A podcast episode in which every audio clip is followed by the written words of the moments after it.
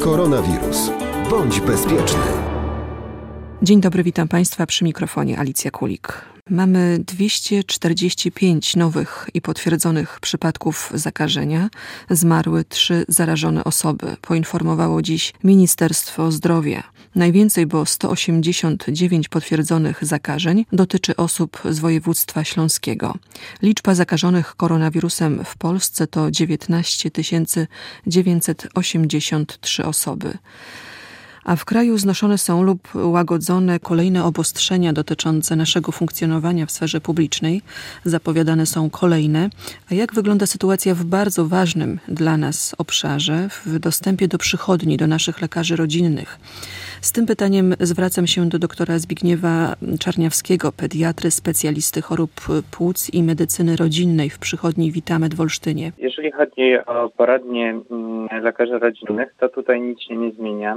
Zapraszamy pacjentów najpierw do kontaktu telefonicznego. Wiele przychodni ma uruchomionych także nasze dodatkowe numery telefonów, na które można się dodzwonić i później lekarz odzwania i y, na podstawie tej rozmowy ustalamy, czy sprawę można załatwić telefonicznie, czy też zaprosimy pacjenta do przychodni. Jest pan e, specjalistą chorób płuc i medycyny rodzinnej, również pediatrą. A co właśnie w przypadku małych dzieci i szczepień, które są przecież zaplanowane i muszą być wykonywane w terminie?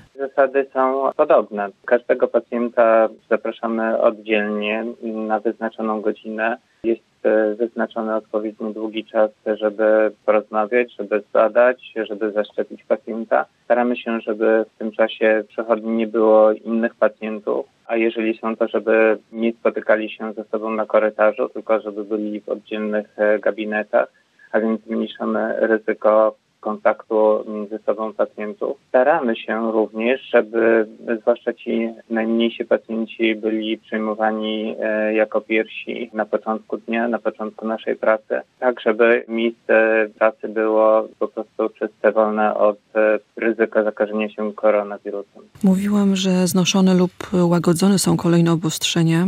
Jak wygląda to w przypadku właśnie przychodni? Kiedy możemy spodziewać się powrotu do tego, co było kiedyś, że rejestrujemy się, przychodzimy do lekarza?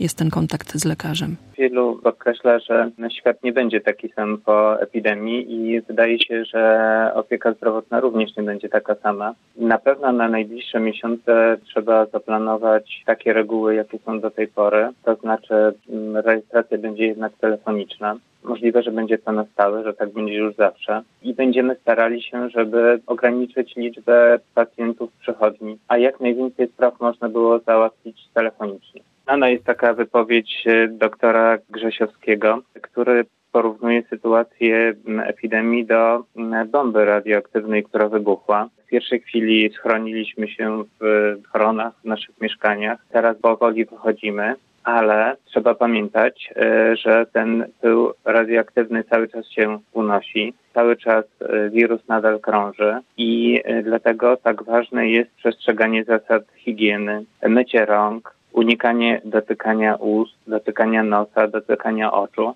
ponieważ w ten sposób e, możemy się zarazić. Również na to, czy zachorujemy, czy zachorujemy ciężko, ma wpływ, jak wiele cząstek wirusa dostanie się do naszego organizmu. A więc jeżeli ma, zakażenie będzie masywne, ryzyko zachorowania jest duże, a jeżeli tego wirusa zainhalujemy niedużo, jest szansa, że nasz organizm obroni się przed infekcją i nie będziemy ciężko chorować.